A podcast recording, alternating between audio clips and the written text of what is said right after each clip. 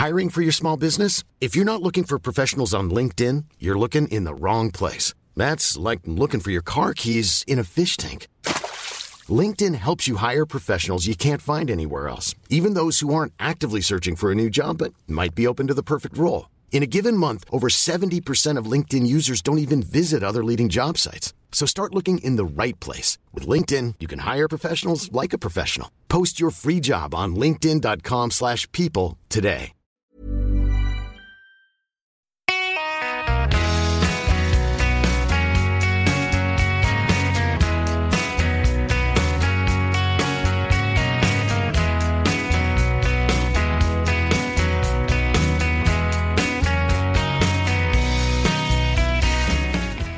Då har vi kommit fram till för, avsnitt 42, om jag har räknat rätt, av Ingvarsson och Perssons podcast. Jag hoppas jag du har gjort. Man, man börjar nästan tappa räkningen. Ja, du har väl bokfört? ja då, jag skriver in varje gång i, i inmatningsprogrammet. Ja. Så att jag tror att vi är rätt på det. Hur är läget i Skövde? Det blåser kraftigt, det har varit nästan storm i natt, men eh, vårväder annars, solsken. Och du är pigg och kry? Ja, så pigg man kan vara i min ålder. Okej, okay, ja. Vi ska komma in på en eh, jubilar, eh, eller jubilar, en, en föl, ett födelsedagsbarn lite senare. Men eh, ja. som eh, upplever att han är gammal.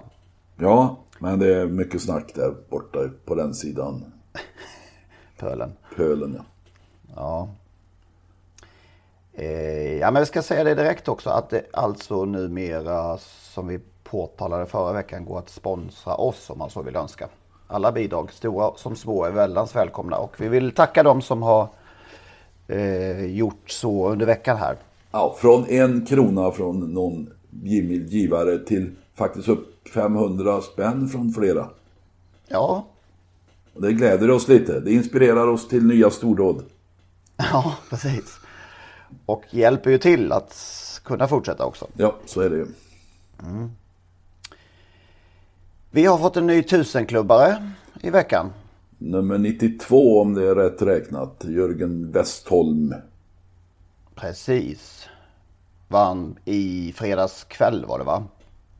Just det. I Gävle om jag minns rätt. Gävle var det väl. Då. Eh, det visar att det fortfarande går att vara framgångsrik tränare och samtidigt vara hyfsat eller framgångsrik kusk. Man kan både träna och köra hästar till vinster. Det, är ju mer och mer specialiserat nu för tiden så att eh, eh de här som driver egna tränarrörelser får ju naturligtvis svårare att nå tusen. Ja, rättare sagt, de, de kör ju inte lopp, många utav dem. Nej, precis. För tusen tränarsägare har han redan Ja, sedan ett tag, tag tillbaka haft. Men nu alltså också som körsven. Körsven var det. Hur skulle vi beskriva honom som kusk? Ja, han tillhör inte de bättre naturligtvis. Men vinner man tusen lopp så har man ju ändå en del eh, i nyporna. Men han har väl vältränade hästar också. Det är ingen tvekan om det. Det är många som inte gillar Jörgen som kusk. Och det kan man ju ha olika åsikter om. Eh, men ändå, tusen segrar är tusen segrar och Eh, han kör väl en del bra lopp och en del dåliga som många andra. Ja, de ska tas. Just det. Sen har han ju en, en väldigt seriös inställning till det här med travsport och sitt yrke och hans satsning på Frankrike har ju varit framgångsrik. Och hans, han står ju på barrikaderna för eh, bättre villkor för de aktiva. Har säkert fått, som jag skrev i veckan, en snyting för det då och då. Och någon gång har han sagt, eh, när jag pratar med honom, att nu ger jag fan i, ger upp det här med travpolitik. Det får andra sköta för man eh, förlorar bara på det. Men han har kämpat på. Eh, jag tror Jim Frick var ordförande där i Tränarnas riksförbund några år och hade väl Jörgen mer eller mindre som sin kronprins då. Mm. Och sen det här, byggt upp sin träningsanläggning i Sala. Byggt upp en eh, rörelse i Frankrike, en framgångsrik rörelse.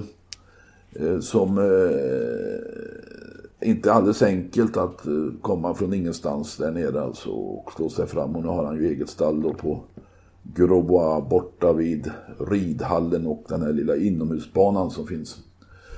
en bit bortanför slottet från entrén på Grubba. Nej, det, han har gjort det jäkligt bra måste jag säga. Seriös, ambitiös, ärgirig, nyfiken framförallt. Lite nydanande också, på tal om inom, inomhusbanan där så har han ju en egen eh, bana med, med, tak på. Ja. På, i, på, på, i, på gården på Sal, i Sala där. Ja.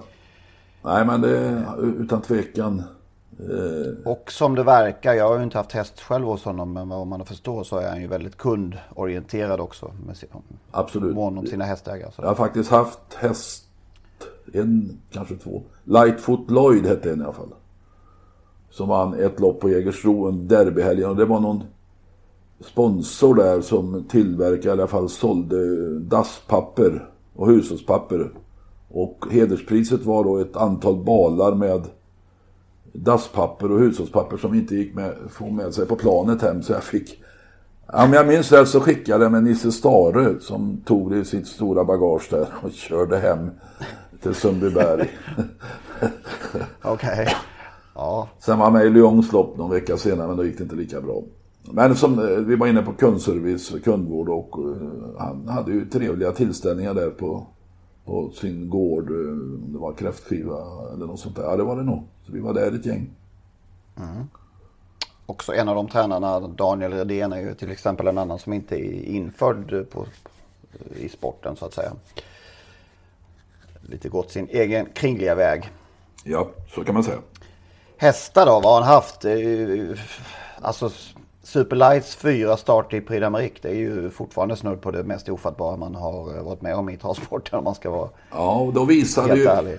där visade ju Jörgen ofta att han är en skicklig kusk och redan då hade han ju lärt sig det franska travsystemet och var ju väldigt snabb ut och tog ju ofta ledningen i de där franska loppen i alla fall var med där framme och det var ju där de kom ihop sig en gång i tiden, han och Colgjini då, när de stångades i mm. täten där. Eh, ja, det är enormt den där lille kraken. Men han vann ju... Ja, helt sjukt alltså faktiskt. Han i Oslo Grand Prix. Ja, visst. Lämnade Sverige här som en silverdivisionare och eh, vad, ska, vad ska han ner i Frankrike göra tänkte man ju. Delad seger med Mara Bourbon i Prix de Bourbonnais var det väl?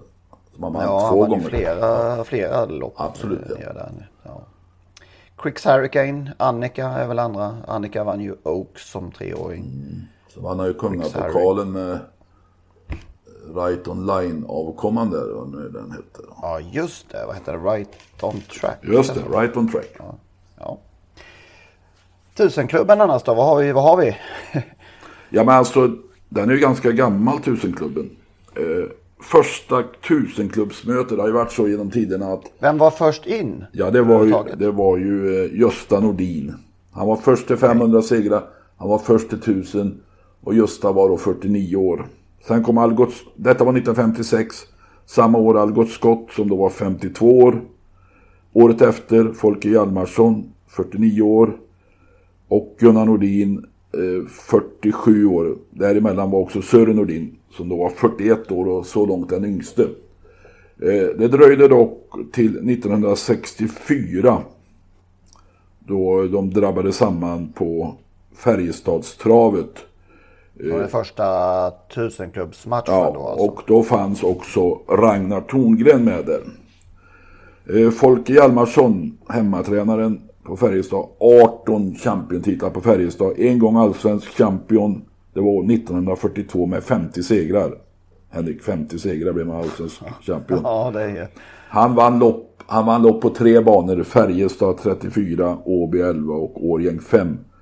Han vann det här första eh, med initial, det här första tusenklubbsmötet. Och eh, ja, han gick bort faktiskt bara knappt två år senare, 56 år gammal. Folke Hjalmarsson hade också, precis som naturligtvis bröderna Nordin, gått i lära hos Ernst Johan Nordin. Och det dröjde, om jag har rätt uppgifter, till att han var 28 år, Folke Hjalmarsson, innan han vann sitt första lopp. Oj, otroligt ju. Sen, var, var, varför, varför, varför försvann han ifrån oss så tidigt? Nej, han dog hastigt. Okay. Eh, om det var hjärtinfarkt eller något annat, det vet jag inte. Nej. Eh, han hade en son sedermera som hette Bengt Hjalmarsson som var tränare på, på Färjestad. Han hade en son i sin tur som hette Per som också var kusk där. Tränare kanske han inte var. Men eh, det var det första mötet med tusenklubben. Sen har det varit oerhört många möten. Man har träffats på tusenklubbsmedlemmens, den nybakade hemmabana och haft eh, trevliga fester, eh, bowling, eh, bågskytte och allt vad det var. Kört några lopp och haft någon tillställning på kvällen. Det har ju varit väldigt populärt tror jag. Sen har ju det där tunnats ut naturligtvis i, i, i takt med att det blir så många. Eh, förr i tiden var det svårt att få ihop 12-15 stycken som var med och körde. Nu är de ju många i livet som kan vara med. Men det är inte lika populärt längre att åka och köra en tusenklubbsmatch. Nej, det har ju tunnats ut och tappat i lite status ja. helt enkelt av den anledningen. Jag vet inte vem som är den yngste som antingen är det Björn Goop eller också Erik Adielsson. Jag tror båda var 27 år när de gick in i när de vann sin tusende seger. Jämför det med Stig och Johansson som faktiskt var 33. Okej, okay, ja. En kuriositet är Bert Johansson han var 50 år 1983 när han vann sin tusende seger. Och om jag minns alldeles rätt så var då Bert fortfarande amatör. Han sålde väl bilar på Volvo. Och hade det här vid sidan om. Så han vann alltså tusen lopp som amatör. Med egna, med egna hästar i princip. Ja. Har något smeknamn eh, Westholm? Inte vad jag kan komma på rakt ut så här. Nej. Smeknamn nu för tiden. Det är inte så. Det är dåligt med dem faktiskt. Det är ja, det var... helt annan uh, sak jämfört med förr i tiden. Det var bättre förr när det gäller smeknamn, ingen tvekan. Mm, de var i alla fall mer frekventa. Ja, och man användes i text och ord. Det görs det knappast ja. nu för tiden. Ludde Kolgin. Det, Ludde. Ja, det är väl det, det närmaste vi kan komma. Ja. Jag kommer inte på så mycket mer. Nej, nej. Purjo, men det han har lagt av. Purjo har ju lagt av. Han deltar Jan i debatten Andersson. på Facebook bara nu för tiden. Ja. Och även... Vilket är det bästa eh, vi kan hala fram? Vilket som är det bästa? Ja. Är det Malören? Malören är bra. Jag gillar Gunnar Nordins Eleganten. Ja, just det. Sen bytt, alltså några av de här flera Eleganten Gunnar Nordin, men också Bananen på senare år och det tror jag berodde på hans gula dress alltså. Okej. Okay. Bananen. Sen Sören hade ju flera smeknamn. Ingenjören, Mäster, på senare år Gubben och när han kom till USA, Pappa. Just det. Storebror Gunnar, Skarpen eller om det var Skarpis, det var en hårding. Både mot sig själv och mot, mot andra. Osten, Bernt Lindstedt. Som även, även fick ytterligare något namn, Goldfinger. Och det förstår du varför. Ja, kan misstänka. Sten Hjärnan Helt. Och det kan man också förstå varför Hjärnan. Hjärnan var ju faktiskt andre kusk i svensk travdarby när Stig vann med Grein och Hjärnan Sten Helt körde Galin i Stall Traviatas båda två. Stig och tränade som tvåa där va. Just det. Archie. Archie, ja det känner nog inte många till. Han finns ju fortfarande kvar idag. Ja, kvar när han är tränare. Fortfarande Björn Lindblom och det var väl den här Archie Moore, eh, boxarens pipskägg där som eh, någon eh, då myntade detta. Okej. Okay. Vi pratade om guldhästar för någon vecka sedan. I samband med eh, kändislopp. Ja, just det. Ja, Monica Zetterlund. Och det var e- Edvin Fransén, Guldfrasse. Det glömde vi att flika in där. Ja, nu fick vi in det då. Ja, perfekt. Lasse Gunga har vi ju. Lasse Gustafsson, Lars, ja. Lars Gustafsson. Sheriffen, Kjell P Dahlström. Ja. Sen Kusken. Lennart... Inte så originellt kanske, men det är Lennart Forsgren. Lennart Kusken Forsgren, ja. Det var väl under tiden han var hockeyspelare som han fick det namnet. Ja, just det. Han var väl både kusk och hockeyspelare. I hockeyn så ja. blev det Kusken. Stuga. Hasse Skåning ja, Nilsson. Skåning Nilsson och det säger sig självt varför. Stuga Vet jag inte varför. Vet du vem Stuga var? Nej, det vet jag faktiskt inte. Per-Gunnar Gustafsson på Åby. Okay. Som var polare med Per-Olof Pettersson som eh, då på den tiden kallades Lill-Ali. Efter hans pappa Ali. Som då var en stor idrottsprofil i Göteborgsidrotten. Mm. Rune Snodas Johansson. Sådär ja. Jan Liljen Ödqvist. Ja, då kontrar jag med Einar Lången Johansson. ja. Tusenklubbsmedlem. Du kört en sån här match, eh, vem som det stoppar först för. Bengt Kniven Nilsson. Okej. Okay. Ja. ja. det börjar bli tunt, nu börjar det bli tunt för mig här. Hans Klacken Landell. Oj, oj, oj. Nu är det överkurs. Mats Bubben Jeppsson. Just det, just det. Stig Pucken Jonsson.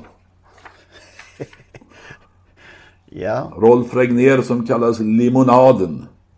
Under ja, just det, just det. Nu kommer jag på en till bara för dig. Rolf, Bull, Rolf Bullen Almqvist. Just det.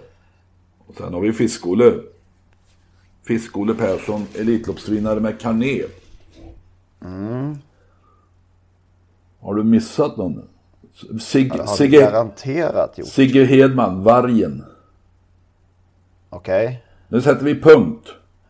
Och så får vi be vi folk komma in med, med, med eh, Kom gärna in med förslag. Eh, eh, ja, inte förslag utan eh, konstaterande. ja, ni får gärna komma in med förslag till, till nuvarande. Men vi vill också gärna ha en förklaring. Ja, just det. Och ni kan mejla till våra mejladresser Henrik Selmin som finns på vår sida Trott och va? längst ner där man scrollar ner. Det var efternamn och sen att trottosport.se. Ja, och det är ingen idé ni kommer med Elake Persson för det har Kari redan abonnerat på. Ja, den, den kan vi.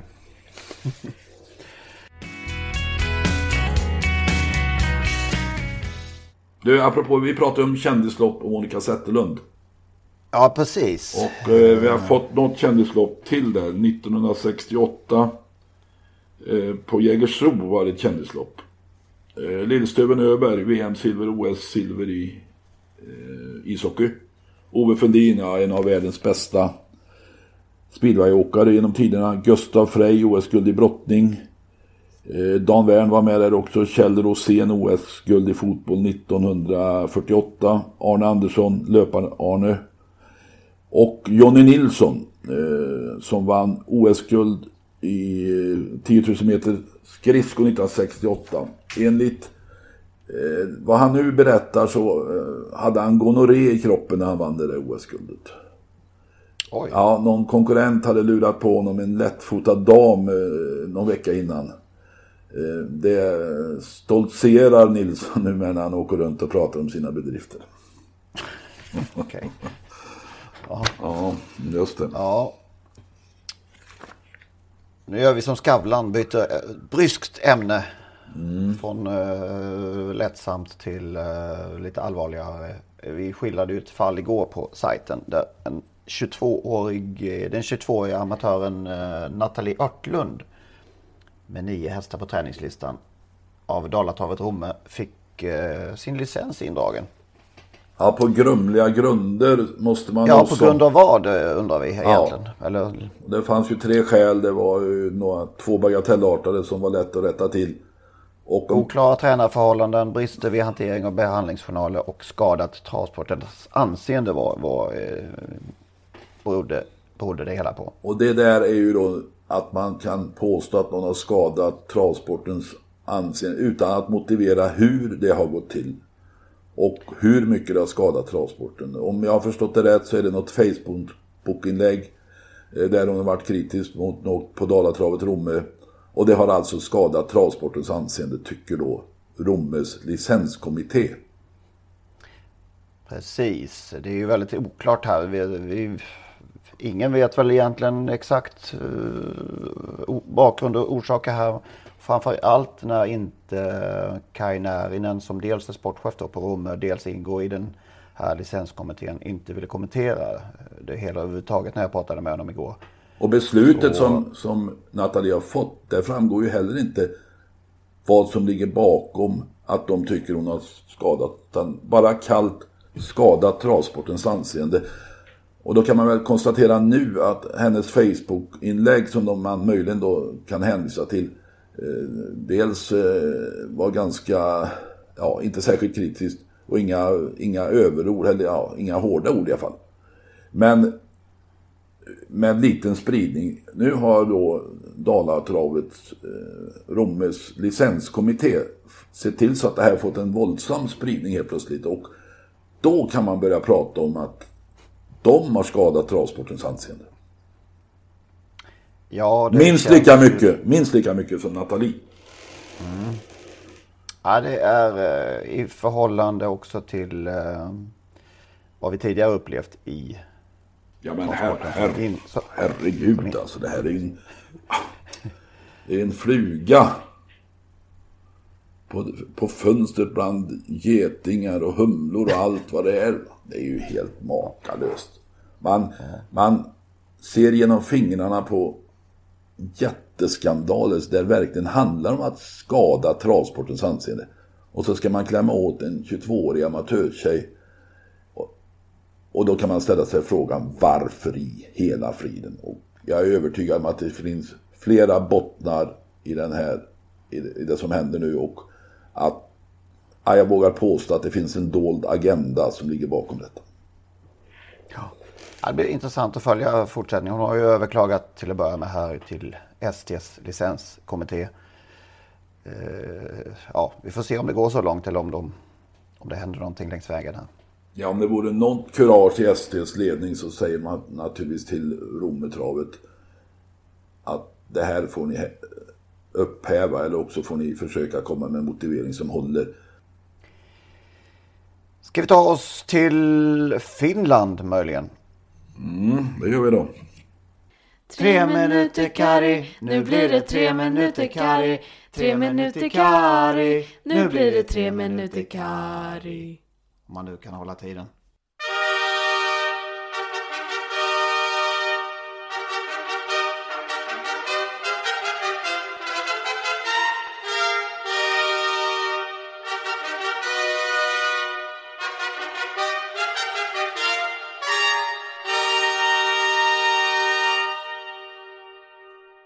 Onexi Olkon, heter det så?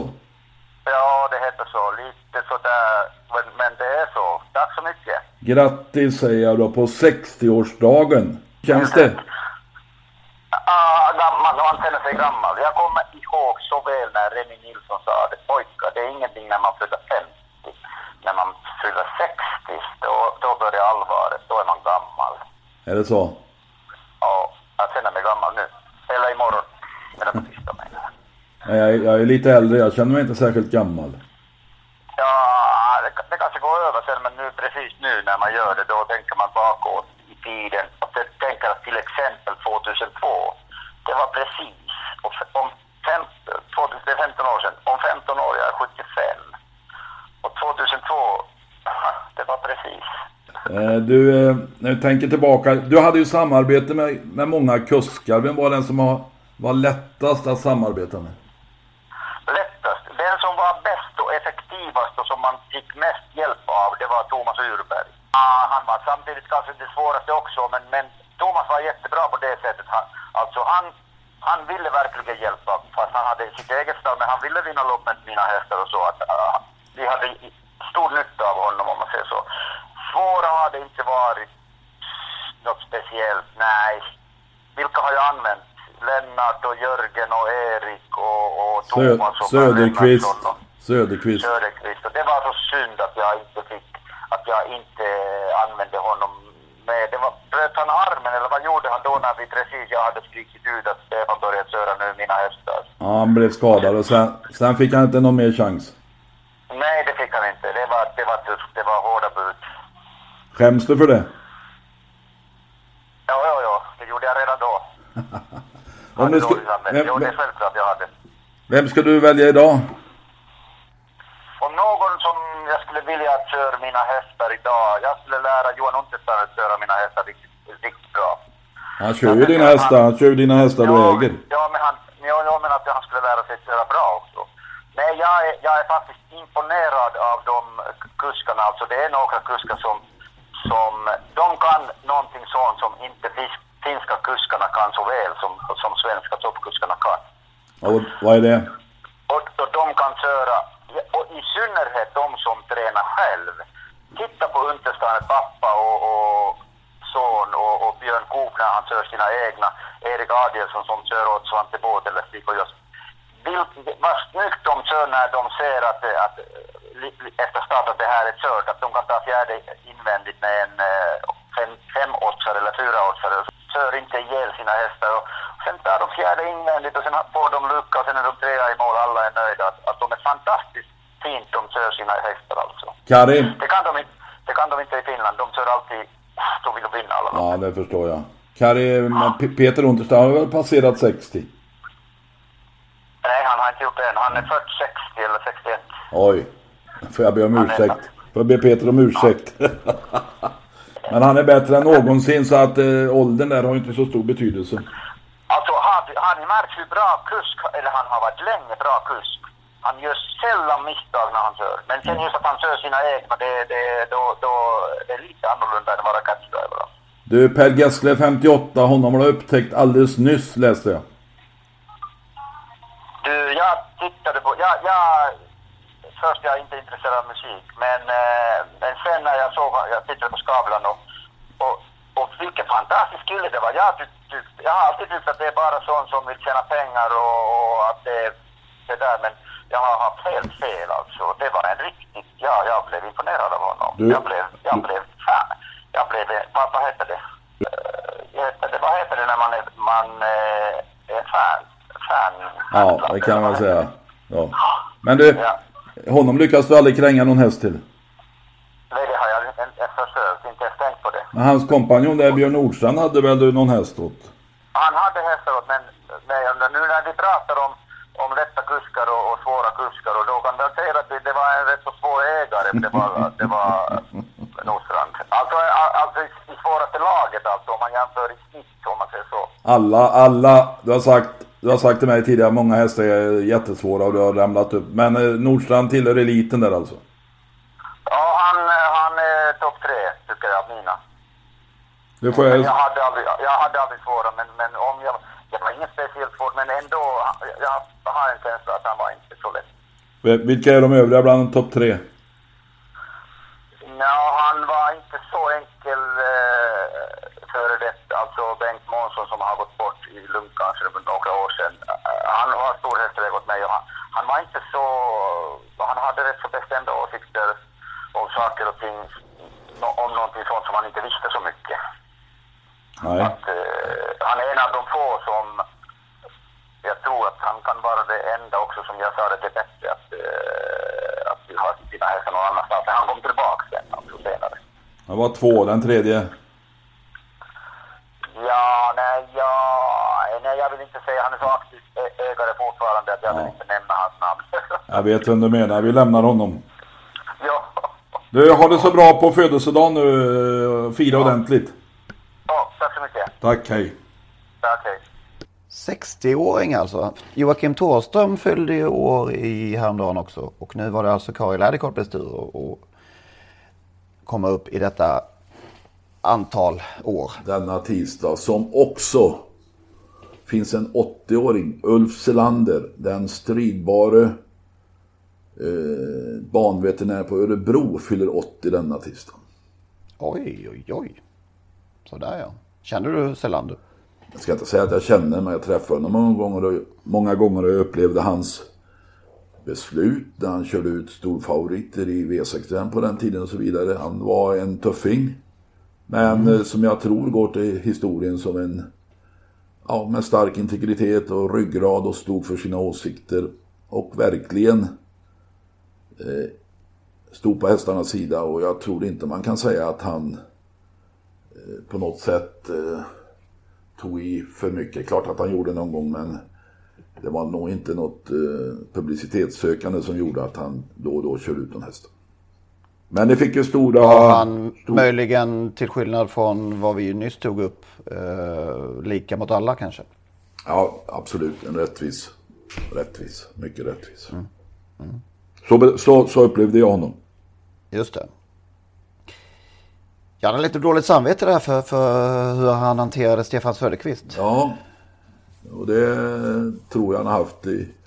Det var ju så att han då gick ut med att Stefan Söderqvist skulle bli hans första kusk och så hände väl en olycka på Solvalla där om jag minns rätt. Stefan skadade sig illa, var borta ett tag och, och ja, sen kom han inte tillbaka i Karistad.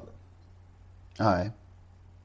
Hade han några hästägare också som hade, jag för mig att det var något mer inblandat där, att det var hästägare som, Jo, det var säkert Hade för synpunkter. Men sånt där brukar inte Kari bry sig om. nej. Ja, det var, ja. Men det är skönt att även Kari Läderkorpi kan ha dåligt samvete tycker jag.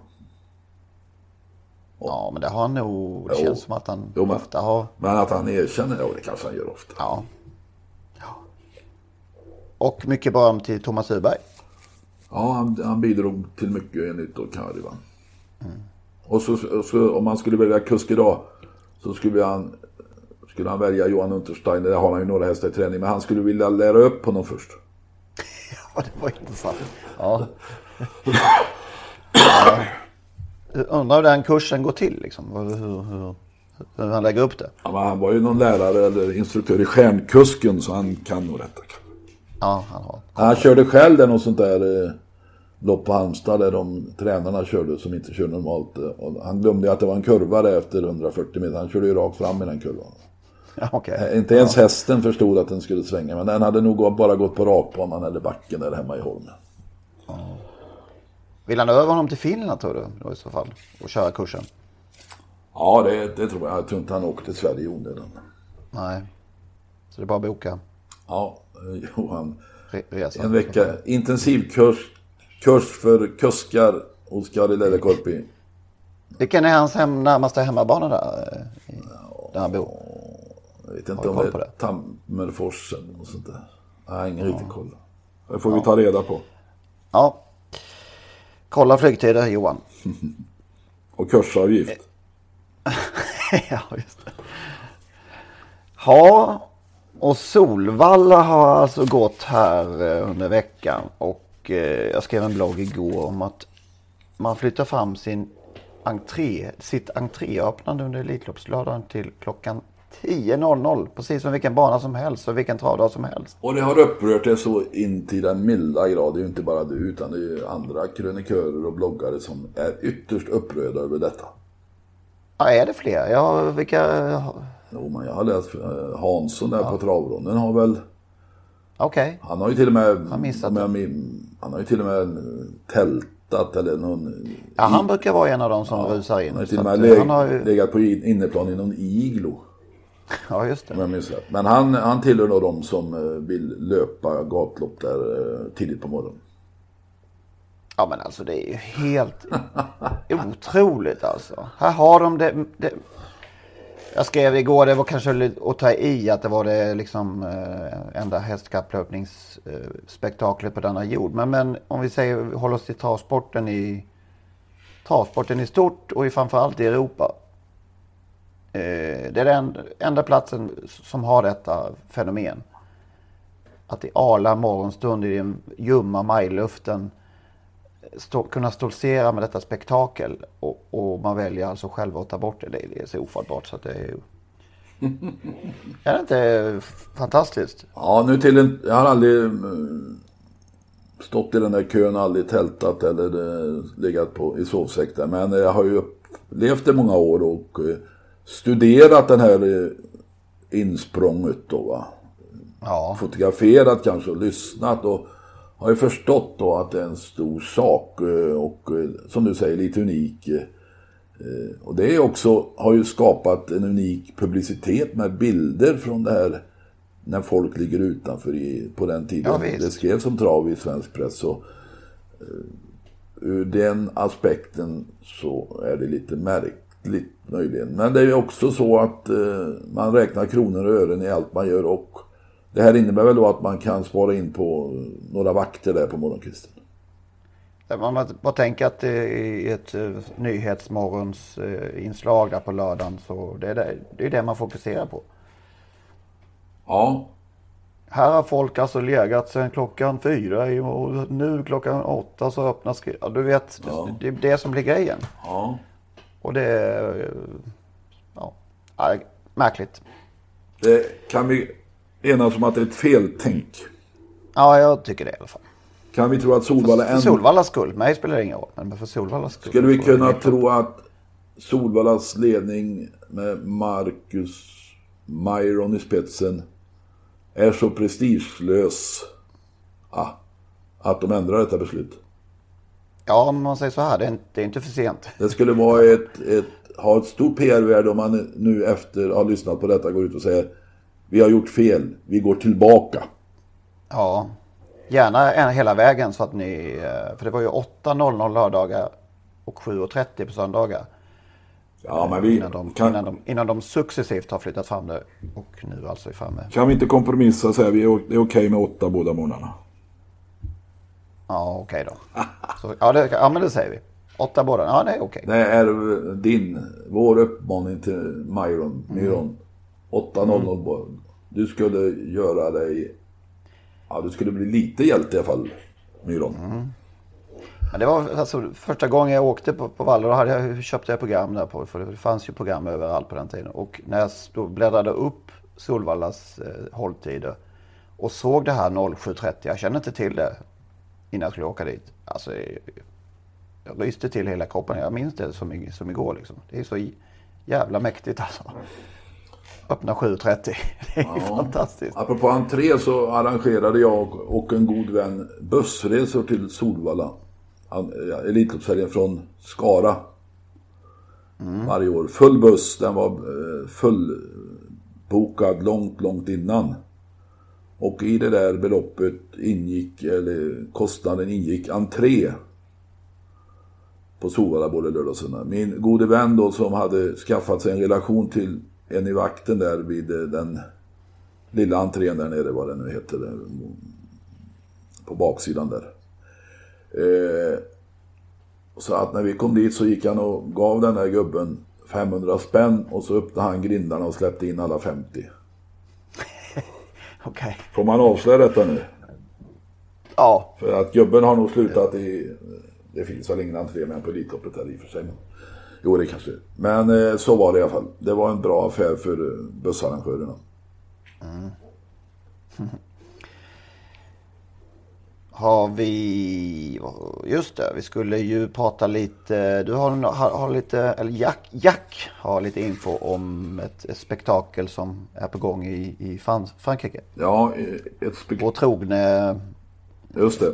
Ett poddlyssnare och läsare. Ja, och kommen- kommentator. Han är en av våra flitigaste kommentatorer. Eh, Som eh, då betraktar svensk travsport från sin franska horisont. Men även fransk travsport. Men eh, det statliga spelbolaget ja, om det är statligt vet jag inte. Men det är, mot, det är liksom Svenska Spel motsvarar det. De har nu försöker få speltillstånd på travlopp. Och de vill ha live betting. Eh, Okej. Vilket man nu har på sportspel mycket. Jag gillar det där att eh, avbryta spel. Jag gillar också att gå in i paus och sådär. Men här vill man ha på travlopp och hur det ska gå till. Det vet jag inte. Men det här är väl ett modernt spelsätt. Alltså jag ser på min son då som eh, inte spelar särskilt mycket. Men han gillar det här och vara inne på matcher och titta ibland. Och, och livebetta på nästa målskytt och sådär. Nu är en fotbollsmatch 90 minuter om man nu tar det som en jämförelse. Här eh, handlar det om tre minuter och hur, man, hur det ska gå till. Kan man krypa ur ett spel 1500 meter kvar? Kan man spela en häst 1000 meter kvar? Så det är väldigt ont om sekunder där. Ja, herregud. Men de vill i alla fall göra detta. Och det skulle skada då travsporten för att det här skulle ge väldigt lite tillbaka till travsporten där det finns 180 000 människor och 55 000 företag som är direkt beroende av detta. Eh, Så att de är ju rädda att detta ska konkurrera ut, eller bli en allvarlig konkurrent till PMU då, alltså det, det franska travförbundets spelbolag kan man väl säga. Skulle denna motsvarighet till Svenska Spel, de skulle få andra villkor än PMU alltså? Ja, uppenbart är det så att de betalar tillbaka mycket mindre än vad PMU gör. Och eh, detta eh, protesterar ju nu då de aktiva och det drogs nog igång av den unga generationen. Det finns någon eh, förening, församling där med unga tränare och kuskar och sådär. Men nu, nu är då alla med på detta och detta ska man då demonstrera mot, manifestera kanske man ska säga. Och jag såg just en, en, en en liten film på morgonen från Tony Lebelair, franske tränaren och kusken, som då uppmanar alla att vara med. Och de ska samlas eh, Porto, vid Porto Re, som jag tror ligger i utkanten av Bois de Vincennes den 29 mars. Och så ska de då vandra eh, genom ett antal gator och kvarter och så vidare för att visa sitt missnöje med detta. Mot detta. Det var som Jack skrev där, när får vi se Stig och Westholm och de här demonstrera mot något på Stockholms gator? Det skulle ju, har man ju drömt om eh, länge att det skulle ske eh, gällande kanske då Express-spektaklet på, ja. på vår huvudstadsarena. Det vore ju väl ett lämpligt objekt att ta tag i. Mm. Men, eh, Men nu är, nog vänta förgäves. Nu, nu är Frankrike lite bättre på det där med demonstrationer och manifestationer. Ja, det kan man säga.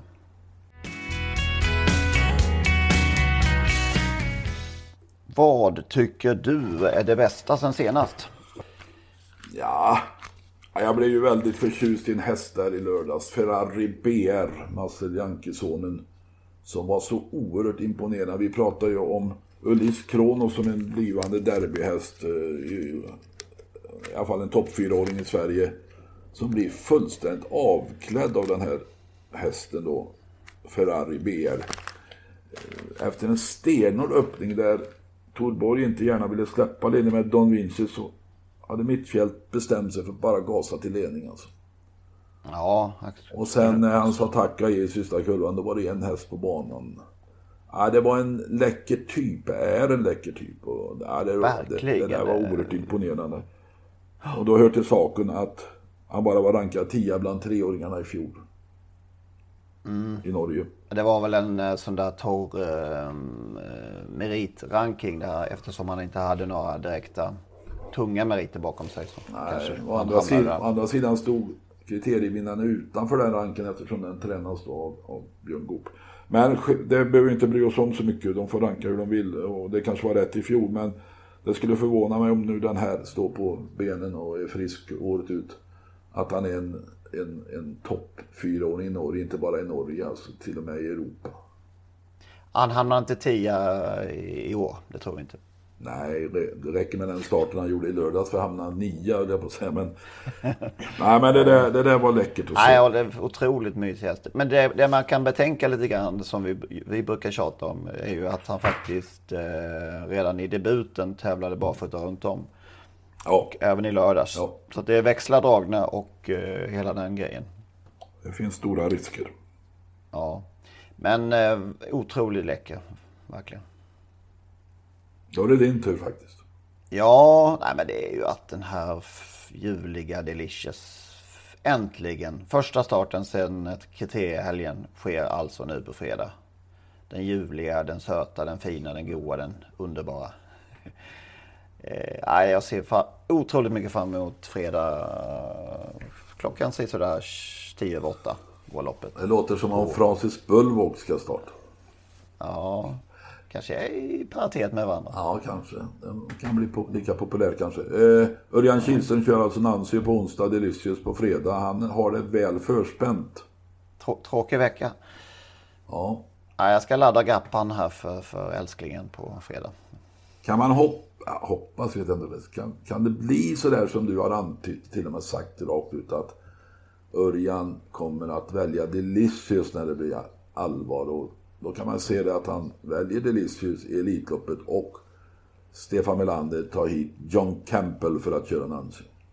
Precis, det har vi inte, det glömde vi bort här. Att, eh, han har ju annonserat i eh, veckan här att han slutar, John Campbell, ja, som kusk. Ja.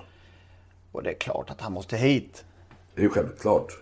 Han slutar alltså i juni och eh, vad jag vet går fortfarande Elitloppshelgen där sista helgen i maj. det är möjligt att han har något stort lopp han vill vinna i slutet av sin karriär. Men det, det brukar ju krocka med någonting där, vad det nu är för någonting. Det här får eh, Myron nu jobba häcken av sig för att få hit honom. Skulle man inte kunna ha John Campbell stå där 07.30 vid entrén och hälsa alla välkomna? Som ska springa Precis, in klockan det är John, John som, eh, som öppnar grinden. Klockan Grindarna. åtta, det här är fullständigt lysande. Ja. Så måste det bli. Vilken grej. Ja. Sämsta då? Ja, alltså jag blir förvånad hur det går till. Det klagas ofta på att eh, strykningar kommer in sent. Va? Tränarna inte stryker i tid. Och det blir någon miss i kommunikationen med banorna, med ATG, med ST och allt vad det nu är. I lördags kväll så, eller lördags eftermiddag anmälde, anmäldes Adrian Skull till V75. Den kom med. När väl anmälan var stängd så kom de på att det var oklara ägar och tränarförhållanden. Hästen fråntogs ett sjättepris på Åby förra torsdagen för det var oklart. Den fick starta men sen visade sig efteråt att tjejen som nu står som tränare eller som skulle stå som tränare inte gjorde det var inte omregistrerat på rätt sätt och så vidare. Så de blev av med sjättepriset. Ändå får hästen anmälas till V75 och sen upptäcker de då att nej den får inte vara med på lördag, söndag kväll.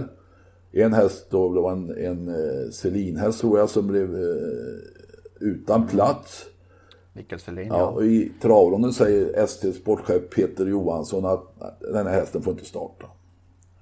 Då återstår 10-12 timmar till ATG öppnar spelet. Och när jag tittar in då på måndag morgon när spelet är öppnat, det var omsatt inte så många tusen, men några tusenlappar.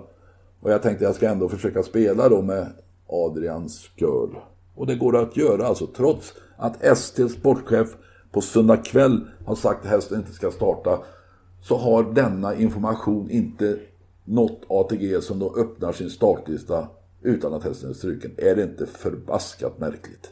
Alltså brist på engagemang. Alltså jag garanterar, detta hade aldrig hänt på Bosse Gertsson och Nisse Stares tid. Punkt. Eh, du vet en sån där situationer när ens eh, lag är ute efter en kvittering eller segermål sådär i slutet av en match.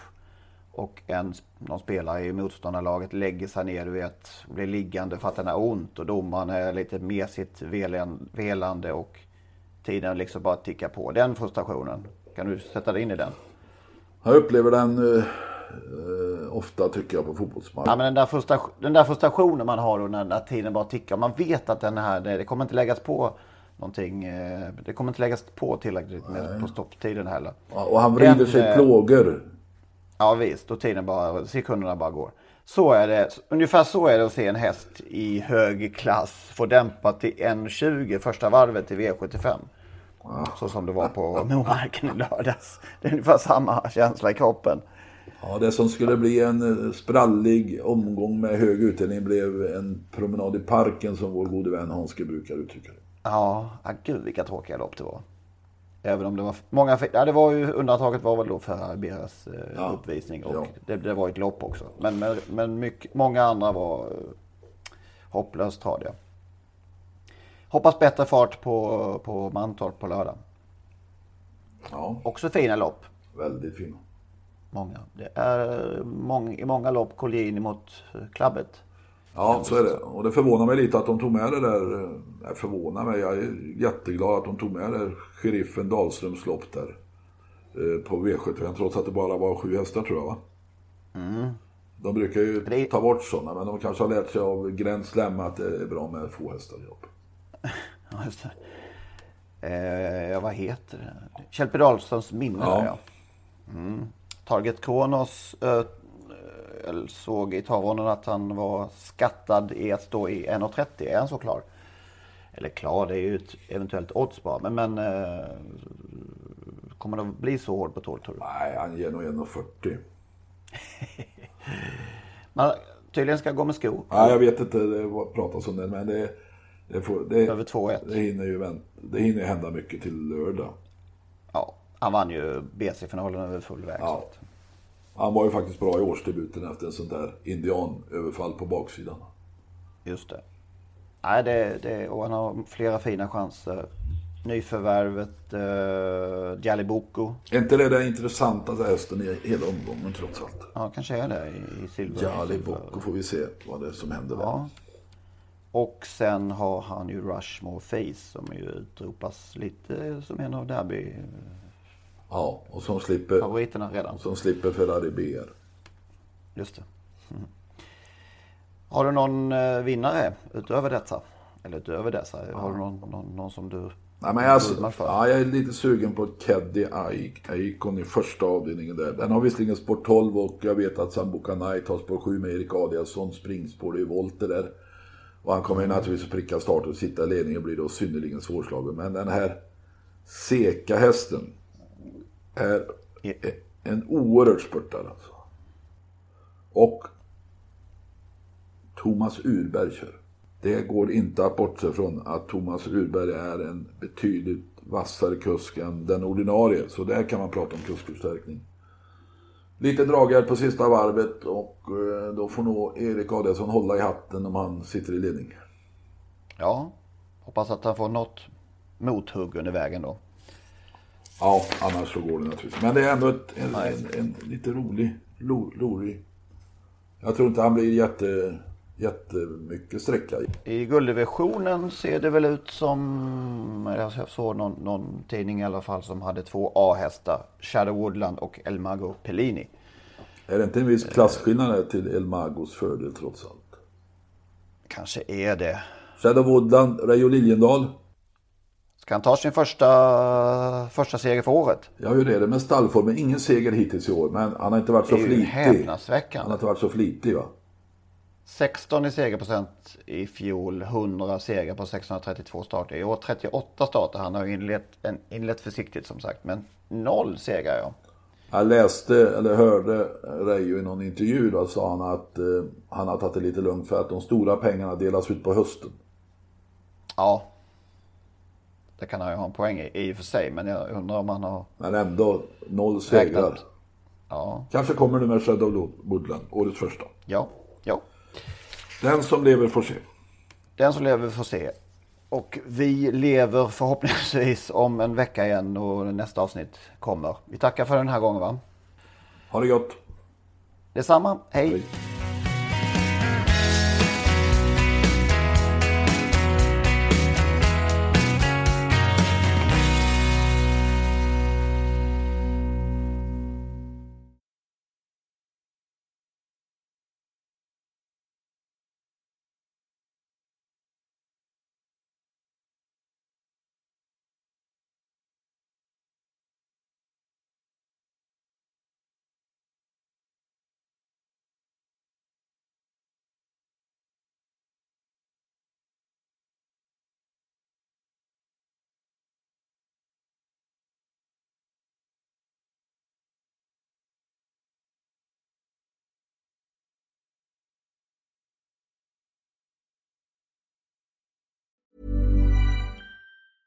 Mom deserves the best, and there's no better place to shop for Mother's Day than Whole Foods Market. They're your destination for unbeatable savings, from premium gifts to show-stopping flowers and irresistible desserts. Start by saving 33% with Prime on all body care and candles. Then get a 15-stem bunch of tulips for just $9.99 each with Prime. Round out Mom's menu with festive rosé, irresistible berry chantilly cake, and more special treats. Come celebrate Mother's Day at Whole Foods Market.